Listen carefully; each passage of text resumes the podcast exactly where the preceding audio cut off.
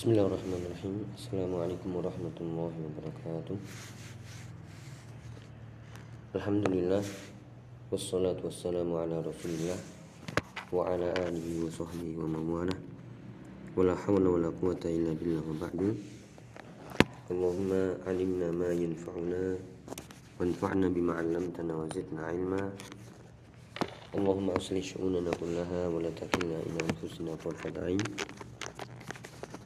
Alhamdulillah ayyatuhal muslimat rahimani wa rahimakunallah. Pertama-tama marilah kita bersyukur kepada Allah Subhanahu wa taala di kesempatan pagi hari ini di waktu duha. Kita bisa bertemu kembali di kajian online muslimah dalam pembahasan Al-Aqidah Al-Wasitiyah di Syekhul Islam Ibn Taimiyah rahimahullahu rahmatan wasi'ah. Semoga pembahasannya adalah pembahasan yang bermanfaat khususnya untuk akidah kita. Dan semoga kita memohon kepada Allah kemudahan untuk bisa mengamalkannya dan menerap, menerapkannya mengambil faedahnya dalam uh, kehidupan kita sehari-hari. Allahumma amin. Para muslim yang dirahmati Allah Ta'ala melanjutkan dari pembahasan Al-Aqidah Al-Wasdiyah uh, yang sebenarnya dahulu kita rencanakan hanya 20 pertemuan ya qadarullah namun uh, setelah melihat dan juga uh, memulai ternyata uh, lebih dari itu akan tapi tidak mengapa semoga bisa tuntas hingga akhir dan seperti yang tadi kita isyaratkan semoga ini bermanfaat untuk akidah kita terutama akidah tentang tauhid ya tentang uluhiyah, rububiyah dan asma wa sifatnya. Masih dari pembahasan itsbatul kalam lillahi taala. Penetapan bahwasanya Allah memiliki sifat kalam. Allah memiliki sifat kalam berbicara kepada siapa saja yang Allah kehendaki dan kapan pun kapan pun waktunya yang Allah kehendaki pula. Yaliku bijalali kama yaliku bijalali sebagaimana atau sesuai dengan keagungannya. Laisa kamitsli syai'un, tidak serupa sama dengan makhluknya sedikit pun. Ini yang selalu kita ulang-ulang satu saja sifat Allah tidak akan pernah sama dengan sifat makhluknya. Walaupun hanya namanya saja sama, namun hakikatnya sangat-sangat jauh berbeda. Kalamullah, Allah berbicara dengan makhluk-makhluknya, dengan hamba-hambanya yang dia kendaki. Dan ini harus kita tetapkan karena banyak sekali ayat-ayat yang menunjukkan Allah itu berbicara. Yang paling mudah adalah kalamullah Al-Quran. Itu adalah ucapan Allah, firman Allah, ucapan Allah. Ya, oleh karena itu ini adalah akidah yang harus kita imani dari asma wa sifat yaitu sifat Allah al-kalam berbicara. Berbeda dengan kelompok Mu'tazilah atau kelompok yang mengikuti mereka, mereka menolak sifat kalam karena menurut mereka al-kalam itu sifatnya makhluk. Sehingga mereka tidak mau menetapkan, mengimani adanya sifat kalam. Baik dari kalangan Mu'tazilah atau Jahmiyah. Yang syubhat pada diri mereka adalah jika kita menetapkan Allah memiliki sifat berbicara, maka sama dengan makhluk. Sehingga ini tidak layak ini menurut akal mereka yang sempit. Menurut logika mereka. Padahal dalam agama, dalam manhaj harus tegak dengan dalil. Jika dalil mengatakan demikian, maka kita mengimaninya apa adanya. Dan kalau kita lihat di kitab ini, penetapan Al-Kalam dinukilkan oleh Syekhul Islam Taimiyah dalil-dalil Al-Quran yang sangat banyak. Yang semuanya menunjukkan Allah memiliki sifat berbicara, berkata-kata, berucap. Namun seperti kaidah dalam asma wa sifat, kita tidak boleh menyerupakan Allah dengan makhluknya. Bertanya-tanya bagaimana bagaimananya berbicara. Ya namun berbicara jelas yaitu yatakalam berbicara dengan suara dan huruf. Masmu' makna berbicara adalah Jelas berbicara itu maknanya mengeluarkan suara, ada hurufnya, didengar. Itu namanya berbicara. bukan batin.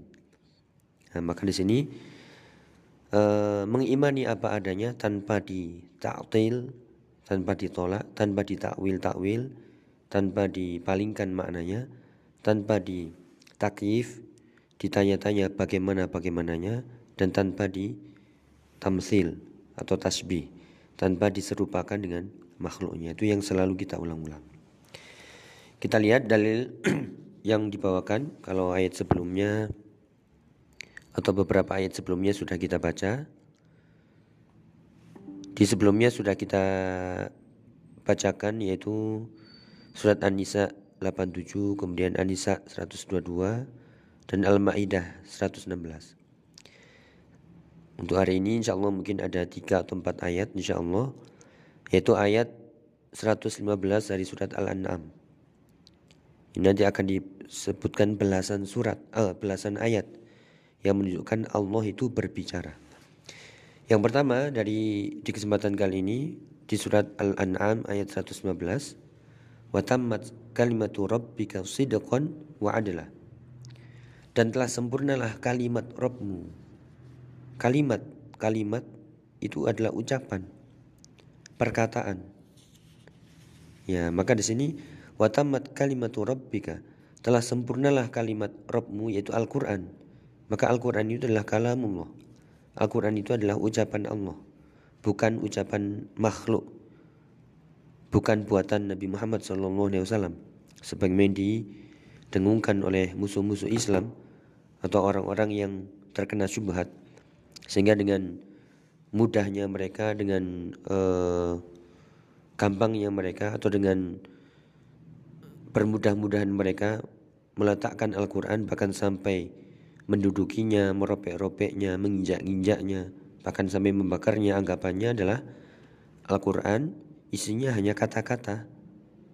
Ya kata-kata makhluk bisa jadi. Ya atau hanya sekedar tulisan. Akan tapi sebenarnya Al-Quran itu adalah kalimat rabbika. Ucapan Rabbmu. Yang ucapannya itu sidqan wa adla, yang selalu benar dan adil. Itulah ucapan Allah. Wa man asdaqu minallahi qila. Yang pernah kita sebutkan. Wa man asdaqu minallahi haditha. Yaitu tidak ada ucapan yang paling jujur, paling benar kecuali ucapan Allah. Kalau itu sudah qala Allah, sami'na wa ata'na. Kami mendengar dan patuh. Itulah sikap seorang mukmin. Waman asdaqu minallahi haditha. Tidak ada pembicaraan yang paling benar selain pembicaraan Allah Subhanahu wa taala. Artinya di sini Allah menantang pembicaraan-pembicaraan, ucapan-ucapan manakah yang paling benar? Di antara ucapan-ucapan itu selain uh, ucapan Allah, maka jawabannya tidak ada. Tidak ada yang lebih benar ucapan ya kecuali ucapan Allah Subhanahu wa taala. Maka di sini uh, Syekh Soleh Al Fauzan yang kita bawakan syarahnya dari syarah uh, Al Aqidah Al Wasitiyah beliau mengatakan al murad bil kalimah kalamuhu subhana ya maka di sini apa makna kalimat rabbik ya kalimat Rabbmu kalimat ya kalimah itu maknanya adalah kalam Ya, maknanya adalah kalam. Kalam itu artinya ucapan, perkataan. Ya, ini sering kita temui misalnya ucapkanlah kalimat tauhid. Ya, maksudnya adalah ucapkanlah ucapan la ilaha illallah dan la ilaha illallah itu adalah yaitu jumlah. Jumlah itu adalah kalimat. Kalimat itu adalah ucapan. La ilaha illallah yang mengandung makna. Jadi ucapan itu yaitu suara yang terdengar ya ada lafat-lafatnya ada suaranya ada hurufnya didengar dan mengandung makna itu kalau dari sisi pengertian secara bahasa seperti di nahwu misalnya itu lafzun lahu maknan lafat yang mengandung makna yang terdiri kalau dari nahwu ada jumlah ismiyah sama jumlah fi'liyah. Ya tentunya ini dalam pembahasan bahasa Arab. Adapun kalimat ya seperti kalau kita mendengarkan atau mengikuti acara-acara kegiatan eh, pidato biasanya pembawa acara mengatakan uh, kita minta uh, Bapak Gubernur atau Presiden uh, menyampaikan beberapa kalimat, menyampaikan beberapa kalimat. Itu maksudnya berbicara, ya pidato, sambutan dan sebagainya. Itu pada makhluk, apalagi dengan Allah Subhanahu Wa Taala. Ya tidak mungkin Allah yang maha sempurna tidak berbicara atau pembicaraannya tidak mengandung makna atau pembicaraannya uh, tidak jelas. Ya, maka di sini ada batas-batasannya. Uh, kita hanya menafsirkan kalam ya secara makna. Adapun hakikatnya bagaimananya wallahu alam. Ya, sebagaimana wajah, kita mengimani wajah apa adanya. Yaitu muka, wajah, bagian depan. Namun bagaimananya wallahu alam. Demikian juga istawa, bersemayam di atas. Maknanya adalah tinggi, naik ke atas, menetap. Bagaimananya bersemayam? Wallahu alam. Ya, demikian juga turun Allah. Turun itu maknanya dari atas ke bawah. Bagaimananya? Wallahu alam. Ya, jadi Ahlussunnah wal Jamaah mengatakan wallahu alam itu dalam kaifiyah saja. Dalam takyif saja. Berbeda dengan kelompok yang lain, sejak awal ditanya, Apakah Allah bersemayam di atas ars? Wallahu alam. Maknanya apa? Wallahu alam. Bagaimana ya? Wallahu alam. Nah, jadi mereka dinamakan ahlu tafwid. Ya, sejak awal langsung tafwid. Sedangkan ahlu sunnah tafwidnya itu adalah di akhir, di bagaimananya. Karena itu adalah hakikat Allah yang tidak mengetahui. Artinya akal kita terbatas. Akal kita hanya bisa me yaitu mencapai apa yang pernah terlihat, apa yang pernah terbesit, apa yang pernah terdengar. Adapun yang tidak pernah nggak akan mampu mencapai hakikat Allah, bagaimana Allah, ya seberapa besar Allah dan seterusnya. Kama yaliku bijalali sesuai dengan keagungan dan kebesaran Allah yang kita tidak akan mampu untuk membayangkan besarnya makhluk Allah saja otak kita nggak akan mampu akal kita nggak akan mampu. Ya apalagi membayangkan yang lebih-lebih besar dari dari itu yang yaitu Allah Subhanahu wa taala.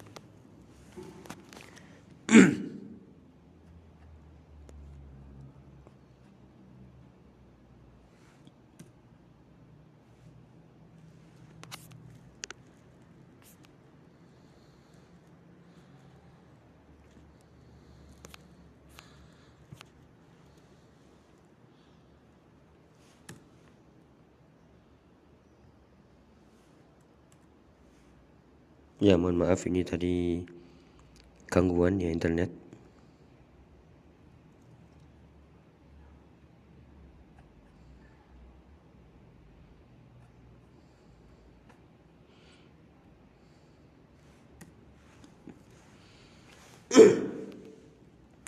eh, mohon ditunggu sebentar.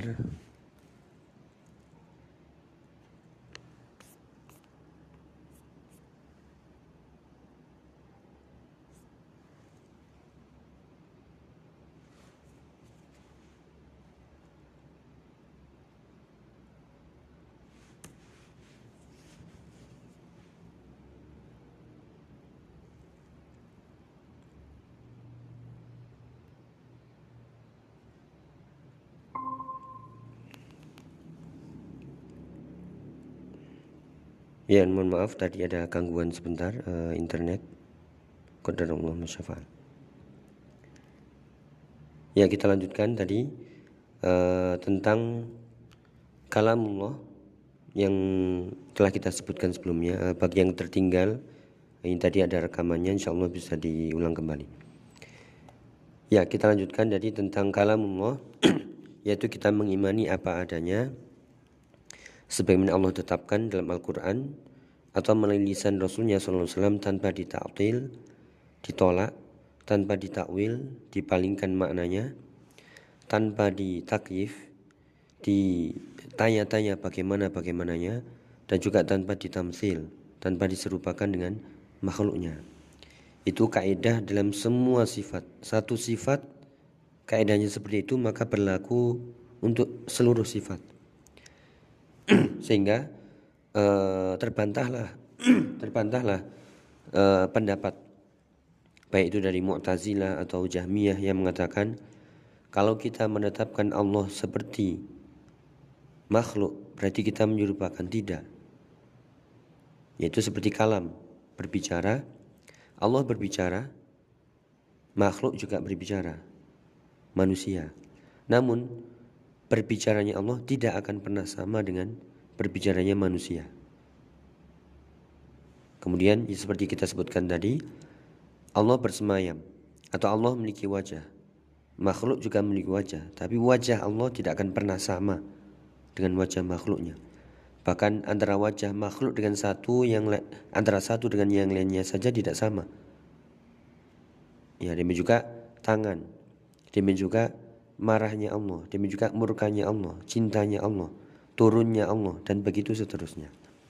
Ya, maka kita imani sebagaimana mestinya namun perlu dilihat batasan-batasannya. Tidak ditakwil-takwil, tidak ditolak ya tidak tafwid sejak awal yang tadi kita sebutkan. Berbeda dengan kaum ahlu tafwid uh, dari kalangan asyairah mungkin ya uh, di antara mereka langsung mentafwid ya sejak di awal ditanya apakah Allah uh, berbicara wallahu alam berarti Allah tidak berbicara wallahu alam seolah menghindar padahal harus kita tetapkan buktinya adalah wa tammat kalimatu rabbika sidqan wa adla.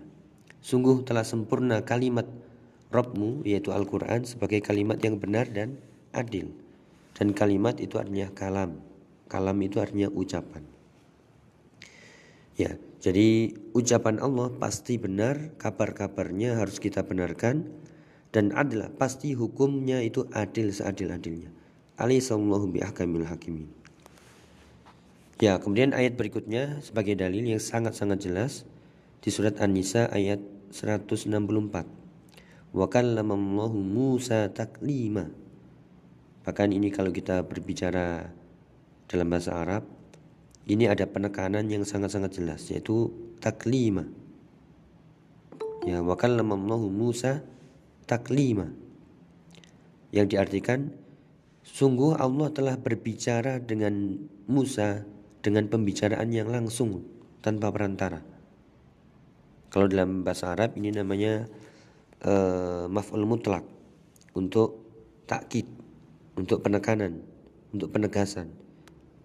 Artinya benar-benar Allah berbicara kepada Musa dengan suara yang didengar, yang dipahami.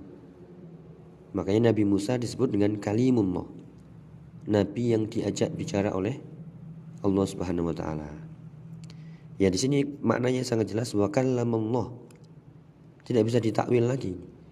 Sebagaimana uh, orang-orang Jahmiyah atau Mu'tazilah atau Asy'ariyah yang mereka menolak oh Allah tidak berbicara. Nah, terus ayat-ayat yang seperti ini mau dikemanakan? Ya, kallamallah jelas.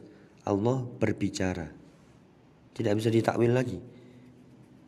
Ya, ada di, sebagian mereka yang uh, merubah-rubah uh, harokat.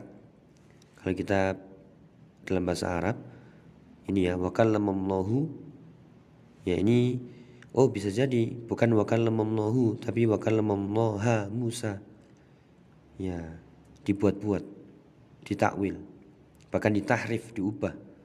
Sehingga seolah-olah yang ngajak bicara itu bukan bukan Allah tapi Musa, Nabi Musa alaihissalam. Ya, namun hal itu terbantahkan di surat Al-A'raf. Ini yang di bawah ini yang kita kasih warna merah. Ini tidak bisa diubah harokatnya ini.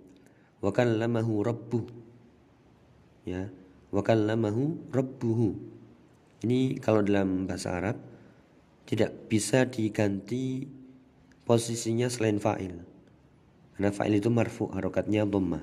Ini bagi yang uh, belajar bahasa Arab sedikit saja uh, mungkin nanti bisa ditanyakan uh, tentunya bagi yang belajar bahasa Arab kembali ke ayat An-Nisa ayat 100, uh, 164 dari surat An-Nisa wa kallamallahu Musa taklima maknanya adalah ini adalah kemuliaan Nabi Musa alaihissalam bahwasanya Allah mengajak bicara kepadanya yaitu memperdengarkan kalam Allah, memperdengarkan kalam Allah.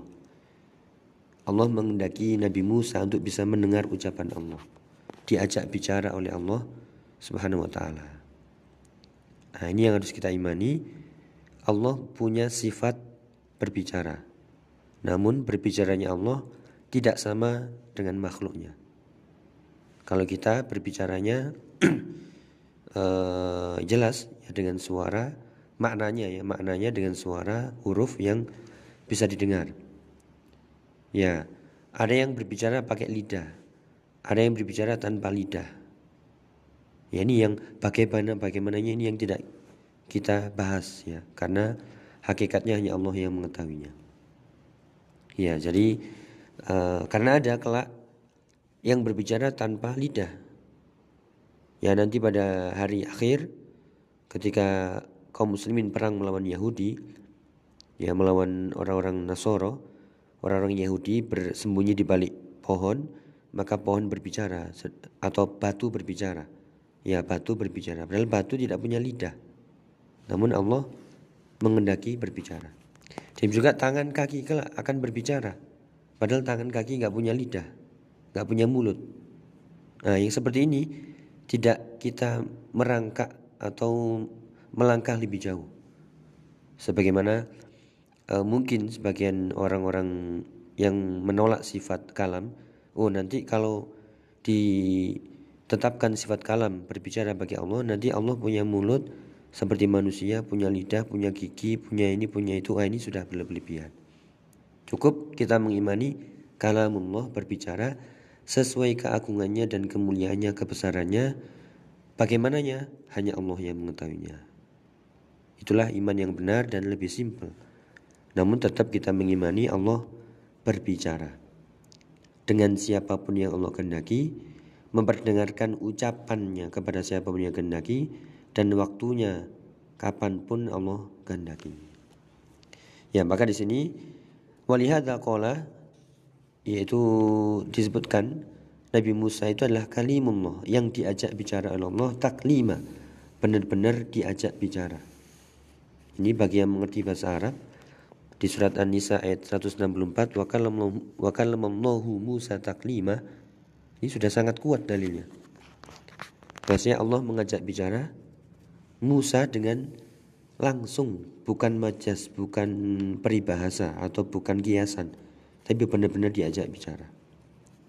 Ya, seperti uh, saat ini ukal limukunna taklima seperti saya ini misalnya saya mengatakan pakai bahasa Arab ukal limukunna taklima Aku mengajak kalian berbicara dengan langsung secara ya face to face misalnya.